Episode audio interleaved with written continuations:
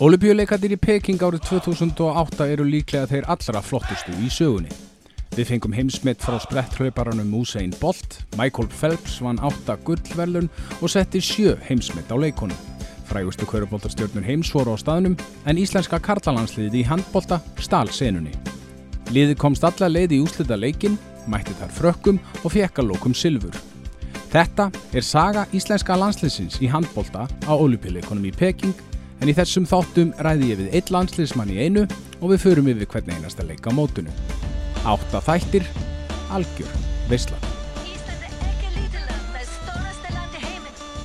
það er komið áttalega úrslutum. Ísland mætti pólverum í þeim leik gríðarlega stert lið og hingaði komin landsliðstjálfari Íslands þá og í dag Guðmundur Þóruður Guðmundsson, verður velkomin. Takk fyrir það. Manstu, svona, eh, byrjum bara á því, manstu eftir þessum leik?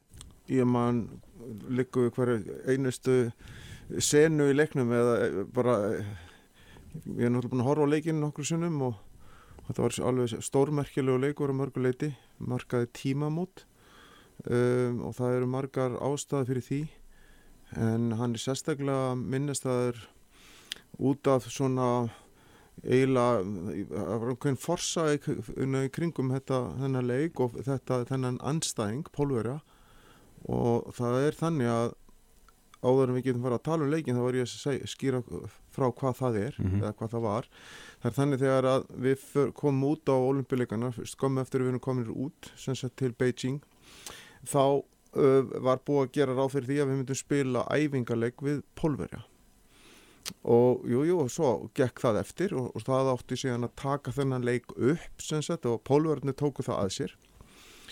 Og það er nú þannig að við spilum þennan leik og þetta var svolítið óvinnulegt, það var svona hálgjörur æfing, sameinlega æfing með þeim sem fór þannig fram að þeir æfðu sóknarleikin hjá sinn, sinn á móti okkur og við æfðum síðan sóknarleikin okkar á móti þeirra vörn og síðan spilum við minnum við tvisar 20 í lokin Mm -hmm. Þannig að þetta var mjög gott, eiginlega fyrir bæði liðin en eh, við vorum auðvitað í sitt hvorn reyðlunum þegar þarna var auðvitað og, og þeir voru ekki sem sagt og nú síðan er þannig að ég hérna fæ ekki leikin í hendurnar uh, sem sagt eftir þetta og, og pólverðinu fóru þarna með sína myndatöku vel og sitt hafa task bara inn í, inn í sína þarna á það sem þeir bygg í þorpunu Nú svo gerist það svona heila daginn eftir að ég tek Gunnar eh, Magg og, Óskar hjá fund og segi þi- þi- nú farið þið að að ná í þennan leik og þið komið ekki hingað aftur fyrir þið eru búin að ná í leikin Já.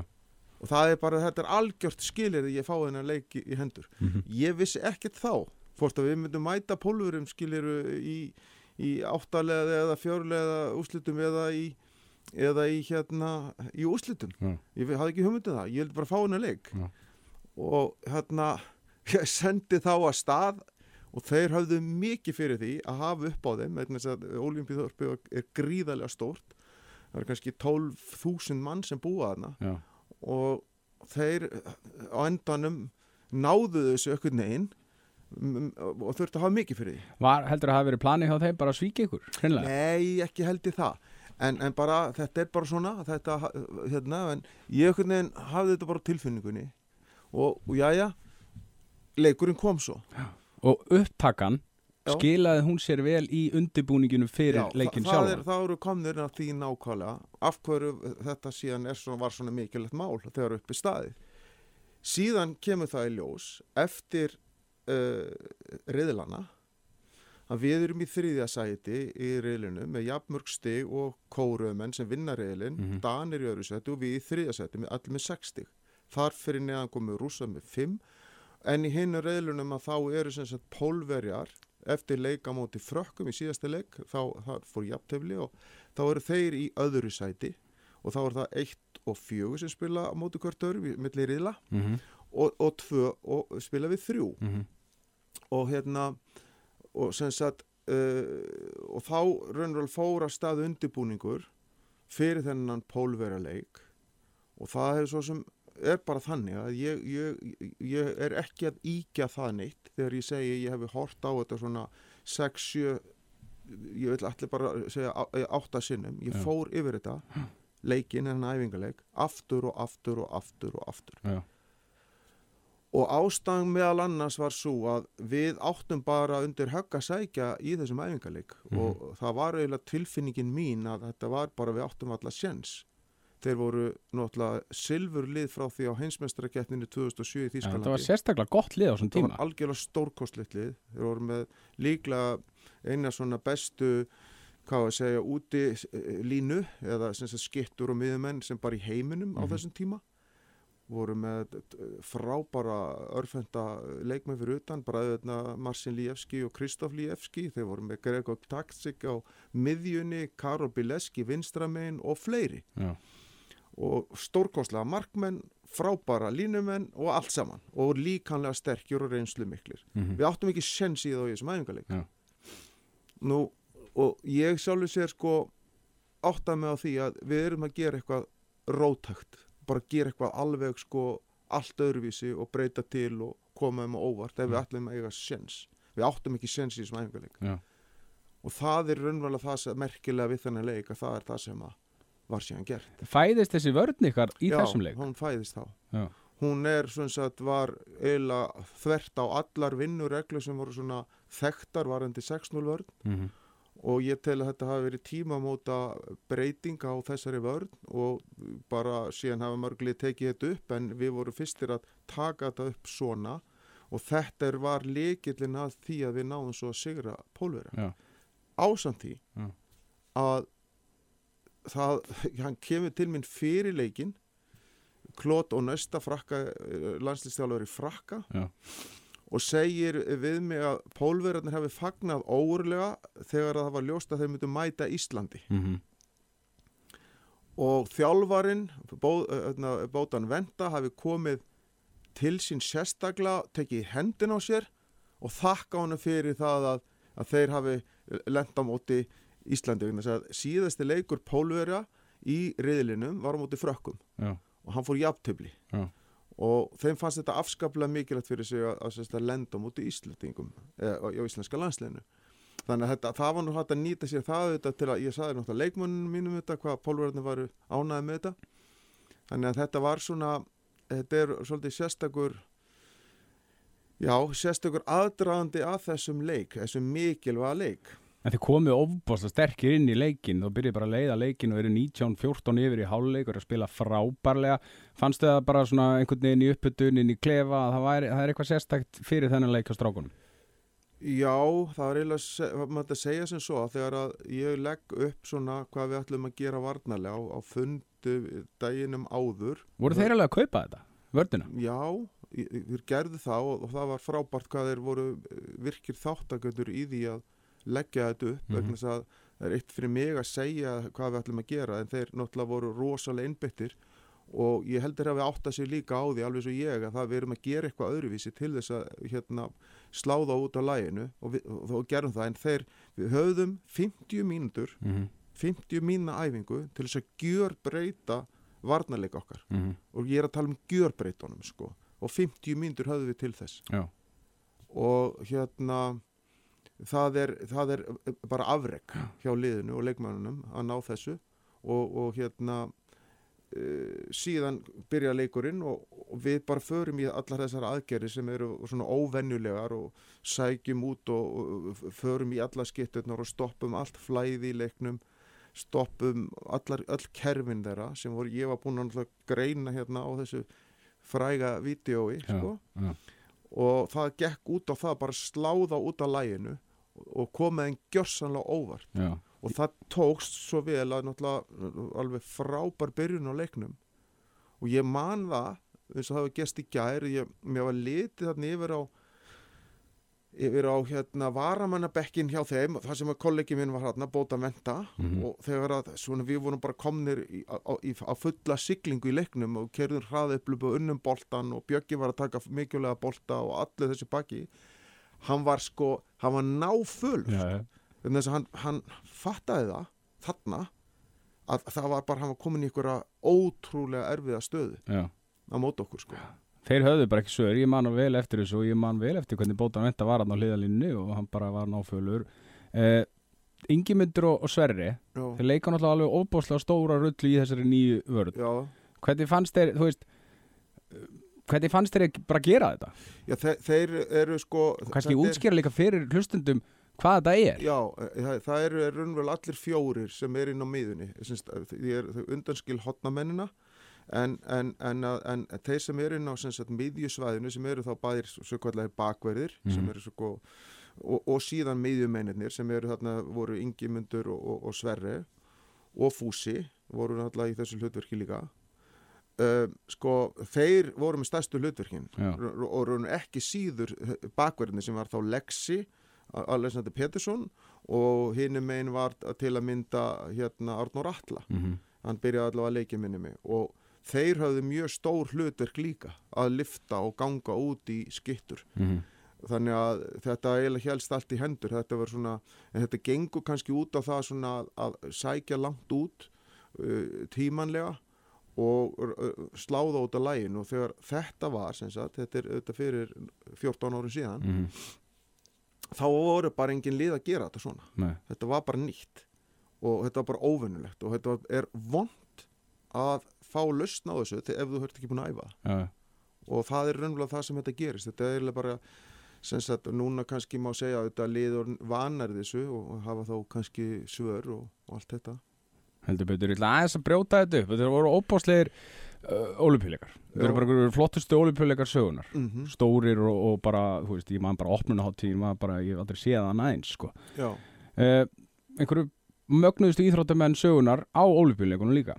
Usain Bolt og við erum með Michael Phelps sem er að, Usain Bolt er náttúrulega að slá heimsmitið Michael Phelps er að slá met í, í, gullverðlaunum á ólupjuleikum og, og svo bara hverjubóltala landsliði bandarækjamanna og allt það.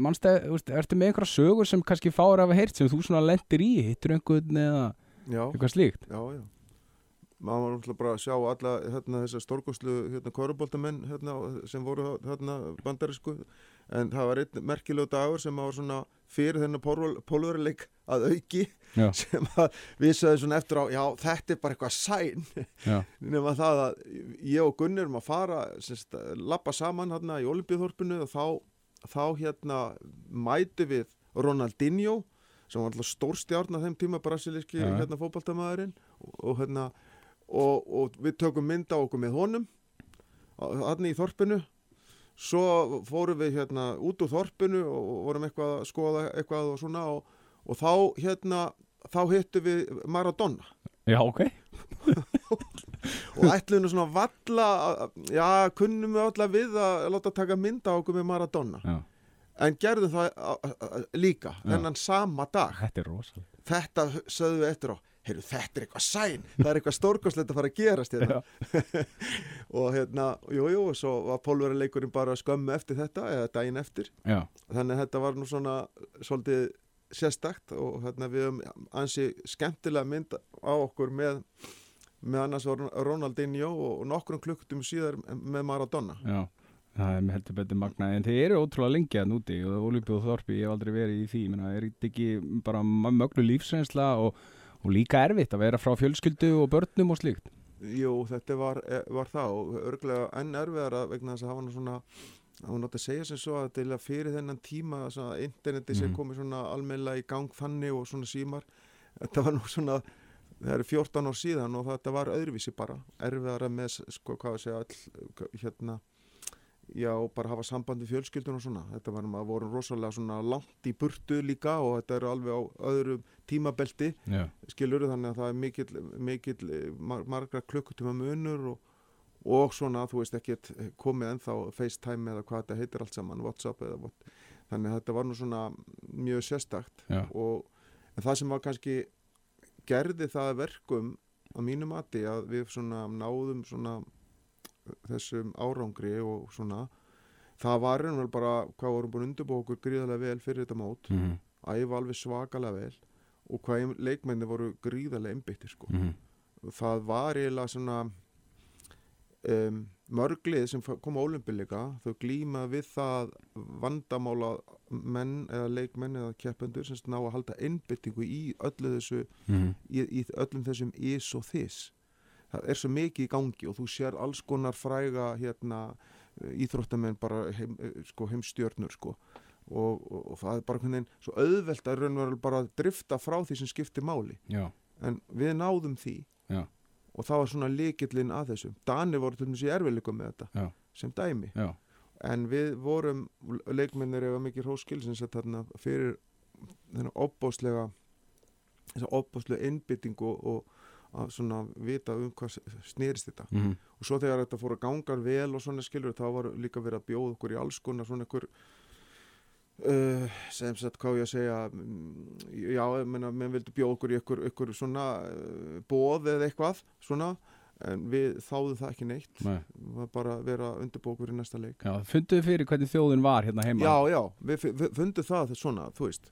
En, en það var bara svona alls konar fólk hérna úti líka skilur og, Mhm, og þá bara oft verið að bjóða í ykkur samsæti eða eitthvað skilur ykkur móttökur eða slíkt en við þáðum eiginlega ekkert af því vegna þess að við vorum bara alltaf undirbóku fyrir næsta leik skilur Það er ekki allir sem kannski vita sem eru ungir að Mm. þú varst sjálfur frábær handbóltamæður já, og hérna að spilaðir hérna fyrir vikinga og afturheldingu ekki satt? Jú, ég var aðalega fyrir vikinga eða allt mitt líf sko Þið því- voru með eitt besta félagslið bara já, já, sögunar algjörlega. Ég, ég var sem sagt, byrjaði í vikingi bara, hvað ég segja, 7-8 ára og spilaði bæði handbólt og fótbolta með vikingi en, en síðan valdi ég handbóltan á síðari stigum. En já, já, ég menna veist, ég, ég á mjög marga Íslandsmeistari titla Ég meina, bæði í yngri flokkum og síðan síðan auðvitað með viking meistaraflokkunum uh, við erum í, í, Íslands og byggameistara sko marg ári röð sko Mhm. og oft og voru með já, voru, þetta var lið að kjöri besta eh, félagslið já. uh, og það er alveg bara hérna verðskuldað en það hérna þjálfaða frábærum þjálfara og, og leikmennin sem voru þannig í þessu liði það, þetta verður bara eða alveg er ekki vist að svona gerist aftur sko. Hápunkturinn sko kannski hjá þér þessir Evrópuleiki sem þið tóku þátt í með vikingum já og svo auðvitað bara þessir, þessir titlar allir hérna. Við vorum, veist, ég man ekki við vorum byggamestara þrjú ári röð við unnum Íslandsmeistara titilinn margsinnis. Mm -hmm. og þetta var svona maskína þetta var bara svona ótrúlegur hópur sko. Já, og æfðum náttúrulega eins og atvinnumenn bara. Já, og, það er bara ógleymanlegt þetta er erfiðu tími þetta, maður þurfti að leggja mjög hart að sér undir stjórn Bótan Kovalsik þetta var bara svona hann var náttúrulega gamla skólanum. Þetta var bara eins og maður var í hernum sko. Þegar ég get ímynda mér að ég hef ekki verið þar en, en, en skilur þetta voru þannig æfingar. Hvað tekur þú frá Bókdan inn í, í, í, í svona þinn þjálfara kultúr? já bara sem hann mótaði bara mig sem persónu skilur mörgu leiti vegna þess að Vist, ég er þarna bara að byrja í meistarflöki cirka 17-18 ári eitthvað svona. Mm og var það búin að vera í fótboltanum og það var svona aldrei nægilega alvar í kringu það hjá vikingi svo kemur þessi maður og, og maður bara sér, wow er, hann er gjörsanlega með þetta í teskið. Já, og hann hann kendi mér fyrir lífstíð svakalega vinnusemi. Mm já, ég vil segja þá tengt því samvisku semi hann kendi mér að setja mér háleit markmið og fylgja þeim eftir og gera það sem þarf að gera. Þannig að sko það var svona hlut af þessu og, og hérna ég áttaði mig á því til þess að ná árangri í lífinu þá þarf maður að leggja mjög hart að sér. -hmm. og ég var mjög móttækilegu fyrir þessu skiluru, þannig að hérna, þetta er það sem ég er honum þakkláttur fyrir lífstíð. Mm og síðan auðvitað bara er hann fær þjálfari og hann kennir mér síðan sem ég kannski ekki átt að vissi ekki þá þegar ég var ungur leikmar að ég er eins og þjálfari -hmm. þannig ég þetta tók fullt frá honum svona, þú veist, í skipulagi æfinga og hvernig tempo er á æfingum og, og allt það, hann var snillingur í því hann var frábæra að þjálfa sóknarleik uh, og þetta tók maður allt með sér Mm. og hérna, eða sem sagt lærði af honum og, og en auðvitað voru hlutir sem ég, ég, ég geri öðruvísi og, og gerði öðruvísi en hann og, og hef síðan skilur það, það er bara eins og það er. Já, en maður tek- tekur það besta en þetta var magnaður persónleiki og er, menna skilur hann, hann, það er bara þessi ósér hlýfni og harka og það að setja sér markmið og ná þeim og fylgja því eftir það er bara sko ólýsanlegt sko. já En sko, þú átt 236 landsleiki já, 358 mörg já, Sko því ég er lítill strákur, 10 ára, þá er ég að fara á bókasafnið á Akureyri og leiða mér spólu. Tvær spólur í einum pakka, B-keppnin 89, ég horfði á þetta, ég hef ábyggla hort á þetta 50 sinum. já, já. Þið unnuðu þessu keppni? Já, við erum stórkostlega keppni, sko þetta hljómar náttúrulega ekki vel, B-keppni, En hún var já, sterk. hún var rosalega sterk, sko, þetta var, eh, svona, ég, sko, líka, ég kann ekki frá því að segja af hverju þetta var, svo, flokka svona upp, en þessi keppni, hún var óvenju sterk Mm. og það voru frábær liðana og náttúrulega þetta fekk síðan svakalega aðtegli í Fraklandi og hérna við náttúrulega spila hérna úslitaleg við Pólvera í Bersíhöllinni e, fyrir framann í átján eða 20.000 árendur Já. Og það kom nú, ég veit ekki hvað margir íslendingar þarna, fleiri þúsund Mm og þ- þessi keppni náttúrulega var á okkar hálfi líka frábælega vel spiluð sko Mhm. og hérna þannig að, já Var það kannski hápunkturinn sem leikmaður? Þessi keppni? ég með landsliðinu Já. Já, það er erfitt að segja skilur það er líka var mjög eftirminnilegt að spila í Sviss það var svona ákveðið svona það sem gerist í Sviss er það að um, við hérna förum að vinna þjóðir sem að við höfum aldrei átt sjens í áður sko, við vinnum Rúmina eh, með tveimur mörgum skilur það var svona bara wow, nú, nú erum við komnir á eitthvað stall Já. unnum þar Dani með nýju mörgum Já. 25-16 skilur Já. og það er svona eftirmyrlega keppni við vorum mjög stutt frá því á, á HM 86 að komast í e, undanúslit á HM sko. Og þeir eru nokkri þjálfarar í þessu Já, allan já. 89 liði já, já, sem eru greinilega svona að koma undan bókdan. já, já við, við svona uh, til að, ég, hann er örgulega kent fleirum en mér skilur og, og það er ljóst að það eru margir þjálfara sem urðu til eftir að þetta samstarf við hann og hérna það er bara, já, já Það koma með nokkrar spur, stuttar spurningar áður en við förum aftur í leikin. Besti leikmaður sem þú þjálfað? Vá. Það er valla, sko, veist, ég, það er, þetta er ekki, þetta er ekki sanngjöld spurning, sko, ég er búin að þjála sem marga stórkostlega leikmenn, það liggur við að maður þurfa aðeins að flokka þetta niður, ég þarf að telja nokkra upp, Já, sko, ég verð að gera það, ég get ekki valið eitt, sko, Nei, nei, ok. það er náttúrulega, þegar maður hugsa til þessari leikmanna sem að, hérna, á Íslandi, þá valla maður vilji fara að telja upp, það er svo stórkostlega leikmann sem ég starfa með hérna, Mm M- menn eins og auðvitað Ólafur Stefánsson, Guðjón Valur Alexander Pettersson var stórgóðslegum með landsliðin í mörg ár. -hmm. og, og hérna og það eru auðvitað miklu miklu fleiri sem ég get nefnt skulur í þessu sambandi. Og Aron Pálmásson náttúrulega hefur sem kemur inn í þetta á síðari stegum kannski eftir, eftir hérna olimpíuleikan og svona. Já. nú síðan uh, hérna ef við tökum dönsku leikmennina skilur þá eru það náttúrulega Mikkel Hansen stórgóðslegu leikmaður og, og Landín sem markvarur og, og fleiri náttúrulega sko það, það er bara, þetta er rosa erfitt fyrir, ég get ekki valið eitthvað ákveðin og svo auðvitað starfaði ég með stórgóðslegin leikmannum hann líka í, í Ræneka Löfin Já. og líklega besta, einu besta miðjumann í heims bara í, mínum, hérna, í mínum huga sem heitir Andy Schmidt sem er svissleitningur Já. Hann var algjörlega stórgóðslegu leikmaður og, og svo fleiri þar stórgóðslegir hotnamenn Uwe Gensamer er bara algjört já, frábær leikmaður Já. sem dæmi og, og miklu fleiri. En er einhverju leikmaður sem þú bara, þú veist, þegar þú varst að fara mætónum, þú bara, ég hef, bara, ég hef engin svör. Erfiðasti leikmaðurinn sem þú bara mætt sem þjálfari? um, Nei, ég get ekki sagt það beint sko en þetta gerum maður sér grein fyrir því þegar við mætum dönum þá við enn, enn í dag og ég Já. semst að mæta landin í marki og, og Mikkel Hansen í, í, danska landsliðinu sem dæmi þetta er þetta stórkostlegi leikmenn og það eru hins vegar að koma nýjir leikmenn inn sem eru mjög illviðra án leigir eins og, og Mattias Gíðsel hann er rosalega. leikilmaður hjá danska landsliðinu ef við tökum það sem dæmi Mm -hmm. Nei, ég get ekkert sagt þannig en, en það, það er svona fyrir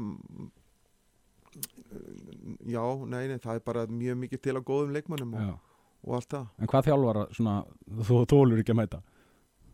Ég hef engan þannig sérstakann sem Nei. að eitthvað pyrrað mig hvað þá var það sko. Ég hugsaði nú ekki mikið um það sko. og það sem ég langar að segja eins og með íslenska landsliði líka að því að þetta er svona, ég var að horfa kannski tilbaka en það sem mér finnst hafa gerst hérna núna á undanförnum árum, þess vegna vil ég ræði það líka, það eru stórkostlega leikmenn sem er koma núna inn í liðið eins og Ómar Ingi, hann er alltaf stórkostlegur á síðasta EM. Já, og Gísli Þorger eh, kemur líka með ákveðin, ákveðina vittin í þetta lið og fleiri og fleiri. Já, það sem að, þess vegna vil ég nefna þá líka og fleiri sem eru í íslenska landslíðin í dag. Já, Að þannig að þetta er oft sko erfitt þegar þú ert að segja já, ert að horfa þá til, til, aftur í tíman mhm, eða er, er við líka í núinu? Og þess vegna vil ég nefna það við eigum frábæri leikmenn í íslenska landslíðin í dag. Já og þetta eru allt, allir þessi leikmenn sem þú taldir upp eru leikmenn sem getur alveg verið að sko, bara spólum tíu ár fram í tíman þá getum við að vera að ræða um þessa leikmenn eins og við erum að ræða um ólupjuleikana núna Já, um vonandi. Óla Já, og algjörlega, ég, ég er alveg saman að því og til þess framist að þessari margra á, á, á, á EM í fyrra frábær og svo erum við góða varnamenn sem eru að koma núna líka og skilur þannig að já, ég, ég hérna og svo finnst mér líka bara eh, að, að já, það er margt að bara ger, gerast núna í Já. íslenska landstunni skiluru já, og þannig svona spennandi tímar þetta er eiginlega svona búið að vera frá því ég kem 2018 þá, er þetta búið að vera svo mikið ferli sko, þú veist að vinna með þessa ungu menn skulur og, og, og fá þá síðan til þess að sjá þá þroskast og vera betri. Það er búið að vera ro- rosa gaman. Þess að vildi ég nefna þá líka þess að marga þessum leikmenn sem eru í liðinu núna aðeins, það var 1914 í, í, í háluleik, förum aðeins aftur í, í, leikjum móti pólverum, þeir koma sér heldur betur inn í leikin já, það passar og þú veist, hafður ágjur? já, já, við maður hafði það og, og þarna, þetta var svona þetta var eiginlega svona að þeir voru að, að þrýsta verulega á okkur al- al- en það bara náttúrulega stórkostlið lið, lið. Mhm. en við náðum svona að koma okkur í gegnum þetta og ég menna Alexander Pettersson skorar gríðilega mikilvægt mark svona til svona létti á pressunni. Já, staðan er 24-23 hérna, sko. Já, hann, hann skorar minni mig úr hraðuplupi þá. Eða svona á við vinnum boltan hann, hann skorar eh, líklega eitt mikilvægasta marki í leiknum. Og hérna, hann var frábær í þessum leik og hérna eins og fleiri. um, Það var eitt leikmaður sem var sérstaklega frábær í þessum leik. Það var Björgum Páll Gústafs Já, já. sem var sennilega að spila sinn besta landsleik bara á Já. það er, ég ætla að fara að nefna hann algjörlega og ástæðan sem það er mér kært eiginlega hans framistag, hún skiptir mig rosalega máli líka hvað þetta var þar, í fyrsta lagi þá þá var ég gaggrindu fyrir það að velja hann Já, á já. en þess að hann hafði nú ekki verið að spila stór hlutverk í landsleginu fyrir þann tíma og ég hins vegar ákvaða að, að velja hann og gefa hann tækifærið. Og það var auðvitað á kostnað reynslu mikils markvarðar Birkir Ívar lendi í hlutverki að, að, sem sagt, að fara ekki ólimpileika og ég valdi bjögga Mm og, og auðvitað hefðu menn geta gaggrind fyrir þetta en þess vegna var sérstaklega ánægilegt fyrir mig í þessum leik uh, Björgun var frábær í markinu og, og tók fullt af boltum og sérstaklega svona meðan við vorum að ná fóristuna hann í fyrirháleik og var hann með frábæra vöslur, gjörsanlega stórkostlegar vöslur og hérna þannig að það, það er rosalega svona, var mikilvæg ákvörðin fyrir íslensk handbólta að mínu mati að Bjöggin, Bjöggi var í tekin þarna inn í landsliðið. Já, er ég er, ég er stoltur af því að ég hafi gert það. Já, og hann er ennþá að spila undir minni stjórn og manni þykir vænt um það. Já. Sástu neistan sem kemur hann, við töluðum um að þeir minka þetta 24-23 minnur einu markið, þetta er er besta lið, landslið í heiminum á þessum tíma. Mm. Sástu þarna, þetta lið, þeir, það næra standast þessa pressu mm og klára leikin sem enda bara mun ágætlega samfærandi sigri þannig. Já, já, sástu þarna einhvern neista? Við Ég- gætum farið í úrslita leikin já ég var búin að sjá hann fyrr sko hvenar sástu hann? ég sá hann bara á æfingunum sko hérna heima áður en við förum út. Og ég ma- gleymi því ekki hérna að þegar ég fer í viðtal svo hérna fyrir olimpíuleikana úti í, í, í Kína Já, þá leiði mér rosalega vel sjálfum. Já. svona, ég var búin að liðbúa undirbúa sér vel það var margt sem að var svona leit vel út. Fyrsti leikur á olimpíuleikunum mútið rússum sem voru frábært lið þá já, unnu við. Guðjón Valur mittur skilur uh, og síðan um, uh, eru við að spila næsta leik á móti þjóðverjum Mhm. sem eru heimsmeistara 2007 og við vinnum þá. Mhm, skilur það saði bara, herðu það er allt hægt hérna. Já. en síðan var þetta ekki bara að dansa á rósum eftir það. Nei, það kemur sögu kóruleikurinn já, já, Kóri er náttúrulega bara koma óvart þarna og voru bara illverið áanlegir. Uh, Jún hann Hörfinn Skitt var ennþá að spila og þeir voru bara mjög erfiðir. Mm og við gerum sagt við nei, við töpum við fyrir þeim og gerum svo jafntefli við Dani og Egipta -hmm. þannig að þetta var ekki bara svona eitthvað dans á rósum sko. Alls ekki. En, en liði samt svona góður já, góð tilfinning sko. E- eiginlega bæði hjá mér held ég og leikmannum líka sko. Já. og einstakur andi sko og svona. Það sem ég tek eftir núna, ég er að sjá sko bara fyrir við markaðistu leikmenn í þessum leik. Og það sem ég svona er að, að bera sama við íslenska landslið í dag. Mm.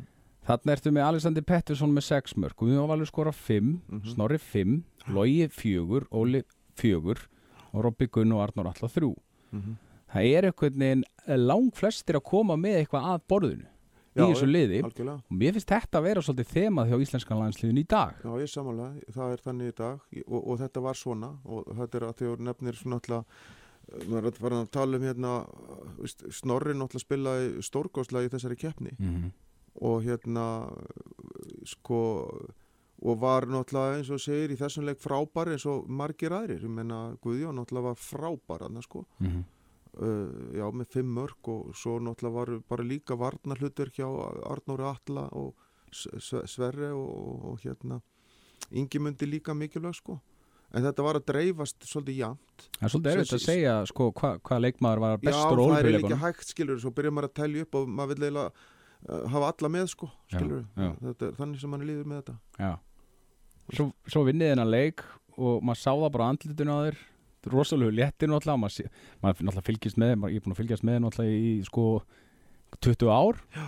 þú tekur þjálfarastarfi mjög mikið inn á því sé- sér Já, maður já. og sérstaklega með íslenskan landsliðinu.